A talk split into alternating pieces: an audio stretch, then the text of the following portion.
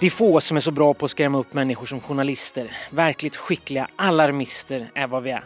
Jag vet inte hur det var i Sverige men i Italien var det en verkligt allvarlig nyhet som upptog tidningarnas intresse under en vecka.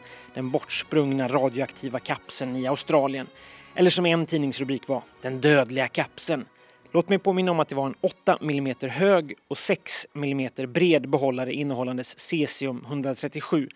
Men tog man sig tid att läsa bortom rubrikerna om den dödliga kapseln, skriver Maurizio Crippa för Il Foglio idag, så fick man veta att om man befann sig nära kapseln en kort stund så drabbades man av samma mängd radioaktiva strålning jämförbar med den mängd man får i sig naturligt, alltså från andra radioaktiva källor som vi inte skriver om som livsfarliga. En mängd man får i sig i Australien ungefär på ett år. Inte direkt en missil av Putins kaliber. Vad Benny? Igår hittade de i alla fall den där lilla saken. I den australiska ödemarken låg den lugnt och stilla och väntade på att bli hittad. Vi som lyssnar på Tidningskrönikan väntar spänt på vad nästa försök att skrämma livet ur oss ska handla om. Nu kör vi! Come le zingare del deserto con candelabri in testa o come le balinesi nei giorni di festa det är torsdagen den 2 februari och från en lägenhet i Rom säger jag, Filip Jakobsson, god morgon. Och vi ska börja i USA idag där Corriere della Seras korrespondent träffat Brasiliens ex-president Jair Bolsonaro i hans exil i Florida.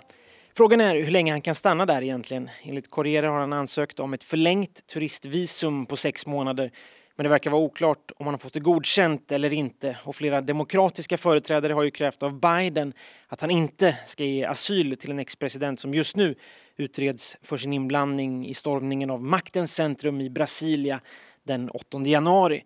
Men det man kan säga om Bolsonaro är att han verkar ta det hela med ro. Jag är på semester, säger han, övertygad om att Lulas regering kommer att falla och han hävdar att han är mer populär än någonsin och så håller han ett politiskt möte på en Florida-restaurang för 600 gäster. Till Corriere säger han att han är italienare men han har fortfarande inte ansökt om något medborgarskap.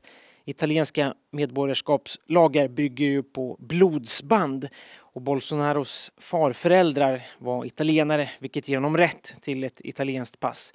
Men han verkar inte helt medveten om processen måste jag säga.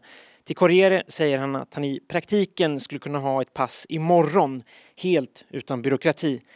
Av egen erfarenhet kan jag säga, till exempel från mina argentinska vänner som genomgått den här processen, riktigt så enkelt är det inte. Men kanske nästan ändå. Och man kan tycka vad man vill om de italienska medborgarskapslagarna. Men visst är det lite märkligt ändå att Bolsonaro i praktiken inom kort tid skulle kunna ha ett italienskt pass medan den som föds i Italien av utländska föräldrar, invandrare, först vid 18 års ålder kan börja den inte helt enkla striden för att försöka få ett medborgarskap. En process som kommer att ta flera år. Och i brist på verkligt stora historier i vårt område, ursäkta om jag gnäller men det är verkligen nyhetstorka just nu, så skriver El Pais om den kanadensiska delstaten British Columbia med kust mot Stilla havet. British Columbia är den delstat i landet som är hårdast drabbad av opioidkrisen som också slagit mot USA de senaste åren. 2016 utlystes ett nödläge på grund av de många dödsfallen i narkotikaöverdoser i British Columbia.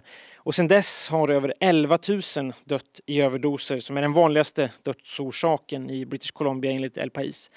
Så vad gör delstaten nu då i ett försök att stävja den här epidemin? Jo, de avkriminaliserar nu på test i tre år användandet av droger som kokain, heroin, fentanyl och morfin. Från och med nu är det lagligt att inneha 2,5 gram av de här drogerna. Polisen kommer alltså inte att kunna konfiskera knarket eller lagföra användarna. Istället ska de informera narkotikaanvändarna hur de kan få hjälp från samhället för att sluta knarka. Vi slutar och behandlar de här människorna som kriminella. Vi ska ge dem vård och medkänsla, sa delstatsministern för psykisk hälsa och beroende när det här blev klart nu i veckan. Eh, Trogna lyssnare av den här podden vet att ett återkommande tema är arbetsmarknaden i regionen i allmänhet och den i Italien i synnerhet, som är minst sagt dysfunktionell. Arbetslösheten är visserligen bara 8 procent, men arbetslösheten bland unga under 25 är på 25 procent och över 3 miljoner italienare mellan 15 och 34 varken jobbar eller pluggar. Och jag tänkte ta ett exempel på vad det här får för effekter. I Italien gäller för så gott som alla offentliga tjänster att man söker dem genom en concorso, ett slags test som är tänkt att göra processen rättvis, vilket den tyvärr sällan blir. Men i alla fall, det finns konkurser för allt. Jobb på Skatteverket, RAI och så vidare och så vidare. Så, häromdagen stängde anmälningarna till ett intagningsprov för 67 tjänster som museiassistenter i Rom. Deltidstjänster på 30 timmar i veckan men med tillägget att man inte får ha något annat jobb. Lönen då? 1000 euro i månaden. Antalet sökande? Fler än 35 000. Den japanske författaren Haruki Murakami släpper sin första roman på sju år. Den första sedan Mordet på kommendören som kom ut på svenska 2019. Någon titel har vi inte och inte heller någon info när den kommer på svenska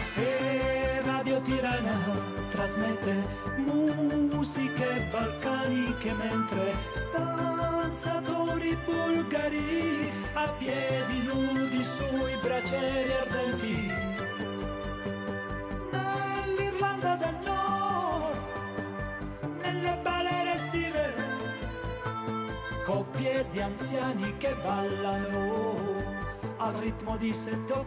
Låt oss hoppas att nivån höjs på innehållet i våra tidningar, helst redan imorgon. För det här är ju som bekant en sammanfattning av det tidningarna i södra Europa skriver om. Och ja, jag är tillbaka imorgon med ett nytt avsnitt av Tidningskrönikan. Tills dess, ha en riktigt bra dag.